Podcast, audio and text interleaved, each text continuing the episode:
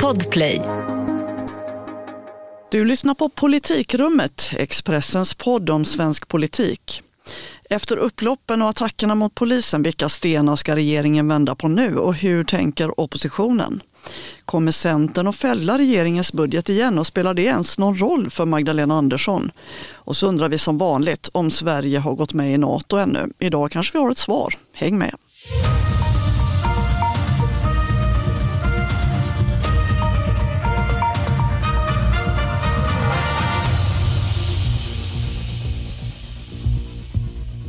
Det är onsdagen den 20 april och här i studion finns du, Thomas Nordenskjöld. Jag är här med lite hes röst, men här sitter jag. Ja, hoppas det går bra. Och jag, Helena Gissén. Vi är ju en dag senare den här veckan eftersom det kom en del annat i vägen igår. Det var ju vårbudget till exempel och dessutom så handlade det väldigt mycket om upploppen som har pågått hela påskhelgen. Det fick väldigt mycket uppmärksamhet, Ja, hur? det får man verkligen säga. Och det hela utlöstes ju av att den dansk-svenska islamhataren Rasmus Paludan hade sökt och fått tillstånd för att bränna Koranen i utsatta områden i olika svenska städer. Så det ledde ju till kravaller då, massiv stenkastning mot polis i sex städer i Syd och Mellansverige. Facit nu då, 26 poliser skadade, 20 polisfordon förstörda, tre personer blivit skjutna av polisen också. Och idag onsdag så har vi hört att fem personer har begärts häktade för upplopp och blåljussabotage om jag har fattat det rätt. Rikspolischefen har konstaterat att man ville döda poliser. Enskilda poliser har ju sagt att det verkligen fanns en risk att någon polis skulle ha kunnat stenas till döds, vilket ju är helt oerhört. Ja. Men reaktionerna från regeringen har ju varit ganska stillsamma. Man har väl sagt i princip det vanliga att det här är oacceptabelt, att yttrandefriheten gäller även knäppskallar och att de skyldiga till attackerna mot polisen ska lagföras. Men vad tror du Thomas, är det, är det snart business as usual eller kommer det här få politiska konsekvenser? Men jag tror faktiskt att det kan få eh, politiska konsekvenser. Alltså lite avgörs ju såklart av om det kommer mer kravaller framöver. Men de här krigsliknande scenerna eh, som vi har sett i en lång rad städer där polisen alldeles uppenbart helt tappar kontrollen. Ja, men jag, jag tror verkligen att det skakar om. Alltså det är ju lite så, precis som du skrev i en krönika häromdagen Helena, att vi har vant oss vid gängskjutningarna, att medierna eh, uppmärksammar det allt mindre. Även om jag tycker att vår krimredaktion gör ett väldigt bra jobb. Ja, Eh, så, är, det- eh, nej, men så är det ju så att eh, faktum är ju att nyhetsvärdet på något sätt eh, eh, av att någon har skjutits ihjäl blir allt mindre i takt med att det händer så ofta, att man vänjer sig. Och det gör ju att den politiska uppmärksamheten minskar. Men nu flyttas ju ändå fokus eh, tillbaka till detta och eh, eh, det, ja vi får väl se vad som händer men, men, men jag tror att det kommer skapa ett tryck igen på regeringen som alldeles uppenbart är stressad över de här frågorna att agera eh, på något sätt. Vi får se hur. Va, vad tror du Helena? Ja, Magdalena Andersson har ju sagt ungefär 10 000 gånger sedan hon blev statsminister då, att hon ska vända på alla stenar för att krossa gängkriminaliteten och segregationen. Men eh, än så länge är det väldigt oklart vilka stenar man egentligen har vänt på. Jag kommer egentligen bara på det som hon själv sa när hon valdes att det skulle bli arbetsplikt motsvarande heltidsarbete för de som får socialbidrag. Men det förslaget har de ju inte lagt fram ännu. Alltså det har man inte sett röken av hittills. Men hon pratar inte lika mycket om det med stenar längre, eller gör hon det? Det var ett tag som man hörde Nej, det. kan hända att, eh, att någon har sagt till henne att eh, man kanske ska vara lite sparsam med det uttrycket, jag vet inte. Men några andra åtgärder som man kommer ihåg eller som man har höjt på ögonbrynen för, det kan inte jag riktigt komma på. Nej, alltså, jag tror att, alltså min bild är ju att det, det finns en rätt påtaglig frustration inom regeringen. Alltså man tycker att man har gjort massor men det hjälper ju uppenbarligen inte. Eh, Alltså, och innan, inom Socialdemokraterna så har ju analysen tidigare varit att man måste vända den här utvecklingen med skjutningarna innan valet. Alltså känslan bland allmänheten måste vara att det går åt rätt håll för att Socialdemokraterna ska ha en chans i valet som ju nu är mindre än, än, än fem månader bort. Eh, och det var därför också vet jag eh, att Stefan Löfven satte den han efter förra valet eh, när det här började bli mycket fokus, allt mer fokus på gängskjutningarna, eh, så satte han den som han tyckte var bäst, Mikael Damberg, på inrikesminister- inrikesministerposten. Han hade ett väldigt tydligt uppdrag. Han skulle göra vad som krävdes för att vända den här utvecklingen innan valet 2022 för att Socialdemokraterna skulle ha, en- skulle ha en chans. Man skulle städa undan den här frågan kan man väl säga för att kunna ja, ha, få fokus på det som Socialdemokraterna tycker är viktigast. Eh, jag tror att det är ytterst dåliga nyheter för Socialdemokraterna med det här som nu händer, att fokus flyttar tillbaka till detta? Eller, eller vad, vad, säger du? Ja, det hade ju varit helt rimligt. Å andra sidan så verkar det ju räcka väldigt långt med retorik måste man ändå säga. Alltså väljarna tycker ju att lag och ordning är en av de absolut viktigaste frågorna. Men Socialdemokraterna har ju väldigt höga opinionssiffror trots rekordmånga skjutningar och annan brottslighet. Och eh, efter den här helgen då där poliser tvingades retirera, polisfordon kapades ju och så vidare, så sitter ju alla på ansvariga positioner kvar i vanlig ordning. Justitieministern konstaterar att polisen de hade de resurser de behövde. Så här sa han i Expressen TV i helgen. Jag har inte fått några signaler om att man behöver någonting mer men man ska komma ihåg att polisen just nu till följd av den satsningar vi har gjort har mer resurser till sitt förfogande än någonsin tidigare och vi har också fler poliser i Sverige än, än någonsin tidigare. Ja, där hörde vi alltså Morgan Johansson, justitieminister sedan snart åtta år. Eh, och jag, alltså jag, jag tror ändå att just Morgan Johansson är en besvärande faktor för Socialdemokraterna här. Det är ju så att eh, Magdalena Andersson, sen hon kom in som partiledare och statsminister i november, har ju lyckats komma in som en ny kraft. Hon pratar om att Sverige kan bättre och så. Det är ju på ett klassiskt S-manér så eh, är hon, går hon i opposition mot samhällsproblemen eh, ja, och delvis även sig själv. Eh, eh, det där är ju någonting som Socialdemokraterna har ägnat sig åt i hundra år och varit ganska lyckosamma med det. Så att, och det verkar de ju vara även, eh, även nu. Men när det gäller då Morgan Johansson, han är ju som ett rött skynke för oppositionen och får ju uppenbart, tycker jag, allt svårare att hantera den här frågan. Han är ju eh, nej men en väldigt skicklig politiker så, men vi har ju sett prov på att han vid ett antal tillfällen, han var med i SVTs program 30 minuter här tidigare år och hade, fick, hade jättesvårt att svara på ett antal frågor. Han är ju, gör ju alltid så att han vänder alltid, alltid alliansens fel och jag tror att det där, nej men lite är det som att verkligheten eh, börjar komma ikapp och jag vet att det var ju en del, när Magdalena Andersson skulle utse sin, sin regering, sin första egna regering där i höstas, så var det mycket prat om vad, vad skulle hända med Morgan Johansson. Då var det en del snarare inom partiet som sa att nej, han kommer bli befordrad, han kanske blir finansminister. Ja, det kommer jag ihåg. Ja. Mm. Ja, men för Skåne, eh, Morgan Johansson kommer från Skåne, eh, det är väldigt tunga vänsterdistriktet inom partiet. Absolut. Eh, och de var ju först med, Skåne var första stora distriktet som backade upp Magdalena Andersson och Morgan Johansson var tidigt ute och sa att det måste bli en kvinna, vilket ju betydde Magdalena Andersson. Och då eh, måste de ha betalt? Ja, eh, och därför var det ju då en del som trodde han skulle bli finansminister. Det blev han inte. Det, istället utsåg hon hans, Morgan Johanssons gamla rival Mikael Damberg, högersossen Mikael Damberg till finansminister. Men det hon gjorde med Morgan Johansson var ju att hon lät honom behålla den väldigt tunga och viktiga justitieministerposten och gjorde den portföljen ännu tyngre genom att hon avskaffade inrikesministerposten som Damberg då tidigare haft och lade det på honom. Och nu höjs ju också, nu, man, man hör ju hur det från oppositionen höjs röster. Det var diskussioner om det igår, flera partier som uttalade att, det, eh, att de inte har förtroende för Morgan Johansson och det liksom diskuteras inom oppositionen enligt mina källor hur man ska hantera honom. Ska man väcka ett misstroende? Det finns en del som tycker att det vore viktigt för oppositionen att markera. Å andra sidan, vad jag får höra från Moderaterna, så, är det ju, så vill man ha Morgan Johansson kvar. Man vill låta liksom väljarna ja, man vill att väljarna ska avsätta hela regeringen, inte att Moderaterna och oppositionen ska eh, bjuda S på detta så att Morgan Johansson kliver av. Man ser honom snarare som en, som en bättre valarbete för Moderaterna än många moderater själva. Ja, Moderaterna har det lite jobbigt måste man ju säga också med den här frågan. Alltså de och för den delen även Sverigedemokraterna borde ju rent logiskt egentligen gå bättre än vad de gör i det här läget. Det är ju deras hjärtefrågor med lag och ordning och eh, för Sverigedemokraterna också kopplingen till utsatta områden och så vidare och invandringen och detta. Men inte heller de har lyckats tränga igenom med förslag till åtgärder som verkligen slår an. Alltså de kommer ju hela tiden med förslag om eh, nya straffskärpningar och, och repressiva åtgärder och så vidare.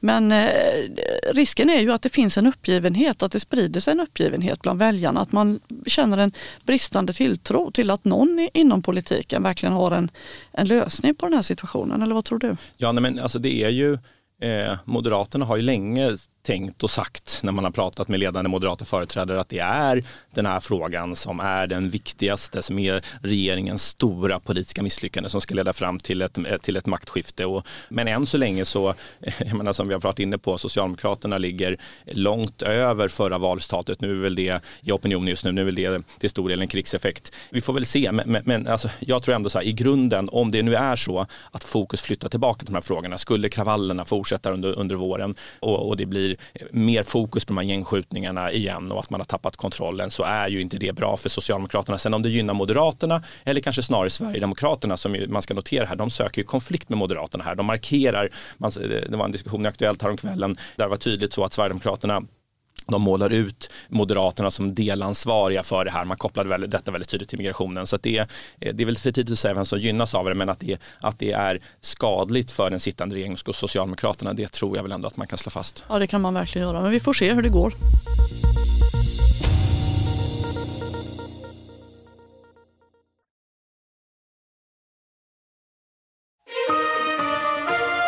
Den stora grejen den här veckan har ju annars varit budgeten. På tisdagen presenterade regeringen sin vårbudget ju och du var där på plats Thomas när duken över budgethäftena traditionsenligt drogs bort. Hur var det?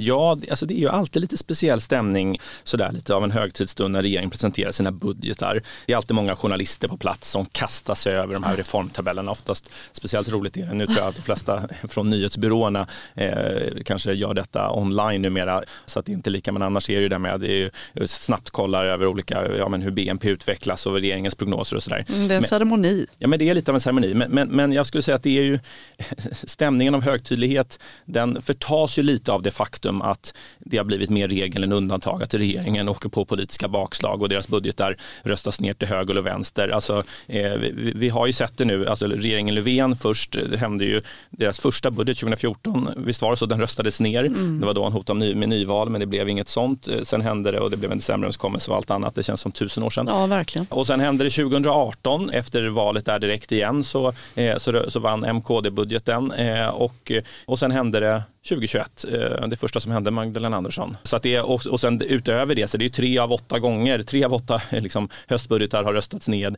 eh, och sen utöver det har man gått in och petat och dragit bort förslag och sådär. Så, så ja, det, lagt in mer pengar till kommuner och allt vad man har gjort, lite av varje. Ja, man har ju helt klart ingen, man vet inte och det vet man inte nu heller hur det går. Eller vad Nej. ska man säga? Det mest omstridda i den här budgeten det är ju det här så kallade garantitillägget som kom till eh, som ett krav från Vänsterpartiet. Det var ju deras villkor för att godkänna Magdalena Andersson som statsminister i höstas då. Men förslaget har ju dömts ut av de flesta experter på området, eh, Pensionsmyndighetens tjänstemän till exempel. Och ändå har det nu blivit socialdemokratisk politik i kubik. Ministrarna pumpar ju ut budskapet att alla som inte är för det här garantitillägget de är i princip motståndare till mänskliga rättigheter. Så låter det ju nästan. Ja, jo, de är väldigt demagogiska. Här. Valrörelse här. Ja. Mm. De satsar ju allt på att göra detta till en valfråga. Men vad, vad kommer att hända tror du? Går den här budgeten igenom eller kommer oppositionen kunna enas om ett alternativ? Ja, men det blir ju faktiskt jätte vid sidan av allt annat dramatiskt som händer så är ju detta eh, väldigt eh, viktigt avstamp inför valet i september får man säga. Alltså, förutsättningarna, om man nu ska dra dem igen, är ju dessa att om oppositionen enas, Moderaterna, Kristdemokraterna och Sverigedemokraterna, om de enas som ett alternativ, så ja, om Liberalerna är med eller inte, det spelar egentligen inte så stor roll, mer än symboliskt. Men då om MKD och SD enas så måste Centerpartiet gå in och rädda regeringen för mm. att regeringens budget Just nu pågår vår stora season sale med fantastiska priser på möbler och inredning. Passa på att fynda till hemmets alla rum, inne som ute, senast den 6 maj. Gör dig redo för sommar. Välkommen till Mio. CSRD, ännu en förkortning som väcker känslor hos företagare. Men lugn, våra rådgivare här på PWC har koll på det som din verksamhet berörs av. Från hållbarhetslösningar och nya regelverk till affärsutveckling och ansvarsfulla AI-strategier. Välkommen till PWC ska vinna, annars faller, annars blir det då oppositionens budget som, som vinner. Och det stora här är ju precis som du säger, det är garantitillägget, eh, en, en reform som för ett helår är värd 4 miljarder. Det som ligger i vårändringsbudgeten är 4 miljarder för i år då, pengar som ska gå ut till pensionärerna. Men 10 miljarder för helåret sen då i, ja. i fortsättningen? Ja, men precis mm. så. Eh, nej, men det, blir, eh, det blir intressant att se tycker jag hur oppositionen ska hantera det här. Alltså från, eh, från Socialdemokraterna ser man det lite som att man har gillrat en fälla här genom att lägga då, det här i vårändringsbudgeten, ett valår med den första tusenlappen som då betalas ut till en halv miljon pensionärer. Stor viktig väljargrupp för, för många här i augusti, alltså ett par veckor före valet så kommer de här pengarna. Oppositionen är jätteirriterade över Det är detta. ganska skamlöst liksom. Ja, men det är, precis, Ogenerat. Det, det är dessutom inte det enda, utan den, den här tusenlappen till alla bilägare ska också komma där i augusti. Det är rätt mycket som kommer i augusti, några veckor före detta val. Men, och det är ju svårt när det gäller det här garantitillägget. Det är svårt för oppositionen att stoppa förslaget. Eh, det man från Moderaterna framförallt kan tänka sig, det man hör är ju, och det jag vet att man diskuterar inom oppositionen, det är att man ska sänka skatter för pensionärer. Det kan Moderaterna tänka sig. Men det är någonting som först ska komma vid årsskiftet. Så att om man nu stoppar detta och tänker sig en, väg, en alternativ väg där man framförallt sänker skatten. Dels tror jag att det är svårt att matcha detta, att de, lägst betalda, de med lägst pension ska få 1000 kronor. Det kräver enormt stora skattesänkningar. Jag tror att det blir svårt att få till. Ja. Eh, men det kan också komma först då vid årsskiftet. Det är en hög inflation. Socialdemokraterna, man hör redan hur det kommer låta i valrörelsen om oppositionen stoppar detta. Det blir tufft för oppositionen. Det är liksom en bild som delvis oppositionen delar här eh, och det är därför de är så svävande. Ja, man får inga riktiga besked. Det, det är ju det här som vänsterpartierna, eh, vänsterpartisterna stolt har döpt till Nooshi-tillägget. Då. Det är ju jobbigt för många partier. Experterna menar ju då att det är en osannolikt krånglig konstruktion som knappt ens Pensionsmyndigheten förstår eh, och att det här förslaget minskar det så kallade respektavståndet mycket. Och vad är det? Ja, det är ju med, alltså, skillnaden i pengar mellan de som har jobbat och de som inte har gjort det. Och det anses ju vara viktigt att det ska ha lönat sig att, att ha arbetat då. Ja, men det är väl en princip som egentligen Ja. alla står bakom? Ja, eller? egentligen i grund och botten så är det ju det. Ja. Eh, och sen eh, Men så, så, finns kommer det inte vara nu egentligen. Alltså det blir en negativ, det pratas om en Pomperipossa-effekt här. Ja, det blir till och med så att pensionärer som jobbar lite mer då, att de riskerar att gå back sen med det här upplägget. Men det är klart att det ändå är då jätteriskabelt att säga nej till uppåt 1000 kronor i månaden eh, för upp emot en miljon pensionärer. Det är väl 1000 kronor för en halv miljon och sen 750 i snitt för en miljon pensionärer. Visst är det så? Jättestor grupp. Så att eh, det gäller ju verkligen att, eh, att oppositionen kommer på någonting som kan matcha detta, eller hur? Ja, nej, men det återstår ju verkligen att se. Alltså det, är ju, det var ju så att i höstas när Moderaterna, Kristdemokraterna och Sverigedemokraterna för första gången satt ned i regelrätta förhandlingar om budgeten, en, en historisk händelse i sig, så enades man ju om en hel del. Bland annat stoppade man familjeveckan och sköt till mer pengar till polisen och så vidare. Eh, det var mer än så. Men man sköt på den här ganska stora olösta konflikten kring arbetslinjen, alltså synen på pension och bidrag, där ju Sverigedemokraterna står klart till vänster. Alltså, jag skulle nog säga nästan att de om något står till vänster om Socialdemokraterna i de här frågorna och därmed ganska långt från, eh, från, eh, från Moderaterna. Eh, Eh, och, alltså det är tydligt, Sverigedemokraterna vill ha pensionerna som en stor fråga i valet eh, och de sätter ju nu press på Moderaterna och Kristdemokraterna eh, att gå med på en uppgörelse om eh, pensionerna eh, som, som kan då matcha deras förslag i, i någon mån. Eh, men det Sverigedemokraterna, alltså det, det de i grunden vill, de vill ju skjuta till eh, skattepengar i, i grunden. Det är ju deras linje här för att höja pensionerna. Eh, men det motsätter sig Moderaterna väldigt tydligt som menar att man, om man ska höja pensionen så måste man höja pensionsåldern. Här finns en grundläggande konflikt konflikt. Det är också så att Sverigedemokraterna, alltså om då oppositionen nu ska kunna enas om någonting, eh, det är ju kontroversiellt redan det här som, som regeringen gör. Mm. Man hävdar från då Moderaterna att man kringgår den här pensionsgruppen som har funnits sedan 90-talet som anses vara väldigt viktig. Eh, men där sitter då inte Sverigedemokraterna med. Sverigedemokraterna vill istället lägga ner den. Alltså här finns en olöst konflikt mellan Moderaterna och Sverigedemokraterna som man, som man behöver lösa ut nu eller efter valet. Ja, ja men det är viktigt för dem. Det gäller ju verkligen att de, att de lyckas komma överens. Men även Centerpartiet har det ju jobbigt med den här frågan och de kan ju avgöra saken. Alltså skulle de stödja regeringens budget så går den ju igenom. Men de vill ju väldigt gärna isolera ytterkantspartiet som de kallar Vänsterpartiet då. De avskyr Vänsterpartiet och då sitter det självfallet långt inne att klubba igenom det här så kallade Nooshi-tillägget, vänsterns fetaste vallöfte. Ja, det var nästan lite absurt efter allt. Ja, verkligen. Men samtidigt så upplevde ju Centerpartiet då att deras väljare straffade dem i höstas när de släppte fram den här, eh, eh, alltså årets den liggande budgeten som ju hade förhandlats med Sverigedemokraterna. Det är ju en annan princip för de som är jätteviktig, nämligen att aldrig ge Sverigedemokraterna något inflytande och då upplevdes det av väljarna som att de ändå hade gjort det. Och de tappade eh, en del, får man ju ändå säga, i opinionsstöd. Så att nu vet de väl varken ut eller in. Hur blir det tror du? Kommer regeringen att, att klara den här budgeten eller inte? Ja, alltså jag tror att oppositionen i alla fall, då Moderaterna, Kristdemokraterna och Sverigedemokraterna och då numera även eh, Liberalerna med nya ledarna Johan Persson som kommer säkert vilja hänga på här. De har väldigt starka incitament att visa att man har förmåga att enas och framför allt har man väldigt starka politiska incitament att visa att Socialdemokraterna med sina 28 procent inte kan regera eh, landet som de hade 51 procent som förr i tiden. Mm. Alltså det är, det, är, viktigt för dem att, att, att eh, det ligger verkligen i oppositionens intresse att, att regeringen inte ska komma helskinnande genom den här budgetprocessen.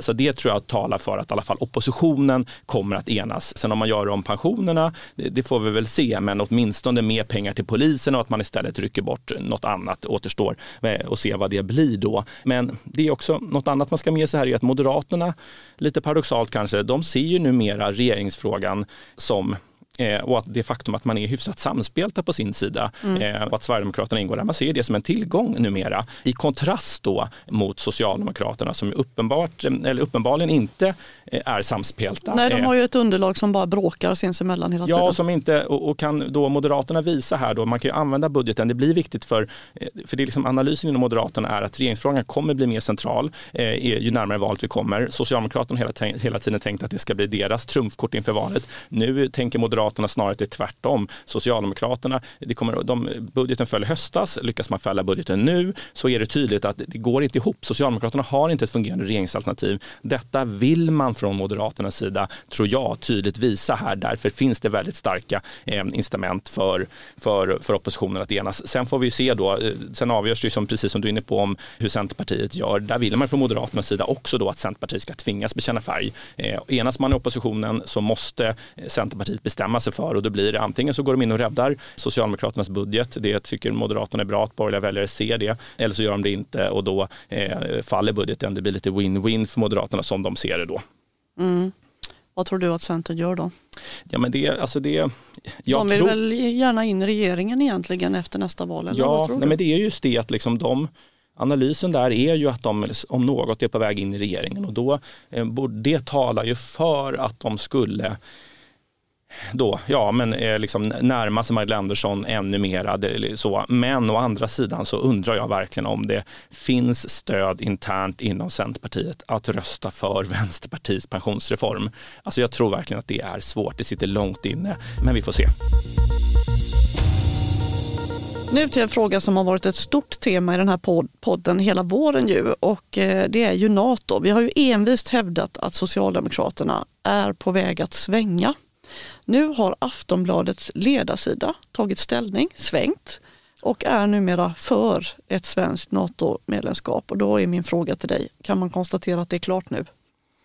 Ja, alltså nu har man ju uppenbart i min bild landat i partiledningen i en uppfattning att eh, man inte har något alternativ. Alltså allt talar nu för att Socialdemokraterna här eh, kommer ta ställning för ett NATO-medlemskap och jag tror att Sverige, man är väldigt måna om från både finsk sida, där har jag väldigt goda källor på att man från Finland har framfört ett tydligt önskemål att man ska göra det tillsammans och eh, det tror jag någonstans är, delas av den svenska regeringen nu när man är på väg att landa detta, att det är bättre att agera tillsammans och ungefär samtidigt lämna in en ansökan. Jag tror att det kommer ske eh, historiskt såklart. Men alltså, någonting som jag tycker är tydligt när man pratar runt i Socialdemokraterna som jag tycker man måste ha med sig här, det är ju att detta sker utan någon liksom entusiasm i partiet. Alltså det är mycket det, motvilligt ja. Ja men det är faktiskt det och det, det liksom, eh, man brinner inte på något sätt för att föra Sverige in i NATO. Men det är ett beslut man, man tvingas fatta och det tar emot för många. Men liksom på grund av de här omständigheterna, såklart i grunden, det mest grundläggande Rysslands väldigt brutala krig mot Ukraina, men framförallt att Finland svänger. Mm. Man hör det när man pratar med ledande regeringsföreträdare att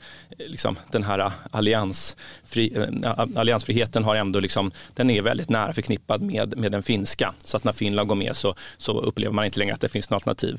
Och man har ju från Socialdemokraternas sida, man har försökt i min bild, man har verkligen försökt att undersöka alternativ. Länge drev man det EU-spåret, att man ska fördjupa samarbetet inom EU. Det är det som SSU fortfarande vill ha. Ja, de tog ju ställning för det nu precis här, ja precis. Men, men det, är liksom, det gör liksom eh, högst upp i regeringen och, och liksom runt Magdalena Andersson gör man bedömningen att det längre inte finns, det finns inte på bordet, i alla fall inte i, i närtid då. Och så är det det här med bilaterala avtal, Peter Hultqvists, eh, liksom hela den doktrinen som bygger på de här bilaterala avtalen, försvarssamarbeten mellan olika länder, framförallt Finland då. Men mm. det faller till stor del om eh, Finland går med och Sverige står ensamt kvar. Och det som också tycker jag man hör när man pratar med ledande regeringsföreträdare har varit viktigt är det här eh, uttalandet som gjordes av USAs president Joe Biden eh, här en bit in i kriget där han tydligt slog fast att man skulle försvara varje tum av NATO-territorium men inte är beredd att starta ett tredje världskrig eh, för ett icke-medlemsland i NATO. Och det, det där har liksom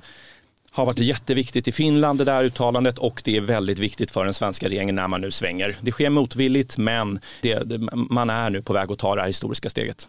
En liten parentes i det här sammanhanget är att jag hörde nu att Miljöpartiets partistyrelse har bett alla distrikt att komma in med sin syn på NATO-medlemskap. Så att diskussion pågår i den här frågan verkligen även bland de mest inbitna pacifisterna, NATO-motståndarna i landet. Intressant. Ja, och där är en känsla då att eh, rätt många, även ingrodda NATO-motståndare, det har de ju varit allihopa i och för sig, men, men att det är många i partiet som har svängt eller är på väg att svänga. Ja, men det var Peter Eriksson, där, tidigare språkröret, han Ja. gick ut och tog ställning. Ja, och de har täta kontakter med sina, sitt systerparti i Finland som ju har svängt då också i den här frågan. Jag tror dessutom nu då att eh, om vi ska återgå till Socialdemokraterna, det här att Aftonbladets ledarsida nu säger ja, det tolkar jag som ett väldigt tydligt tecken på att det är klart. Jag tror inte att de skulle Du menar så det finns någon form av länk mellan jag tror Aftonbladet att den, den och länken, partiet? det är, deras, det är Socialdemokraternas mediala gren.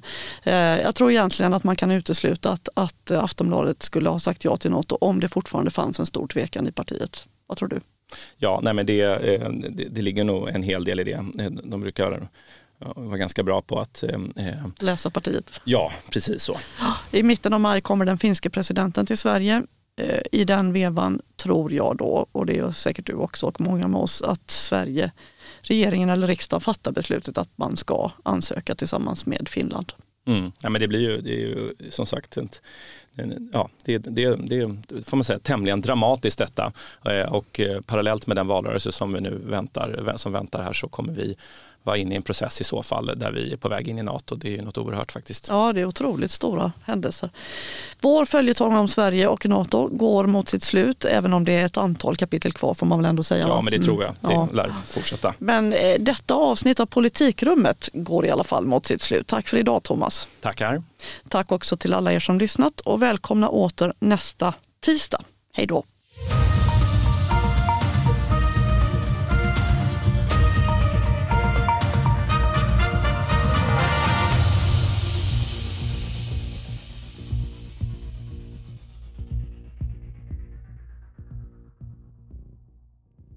Du har lyssnat på en podcast från Expressen.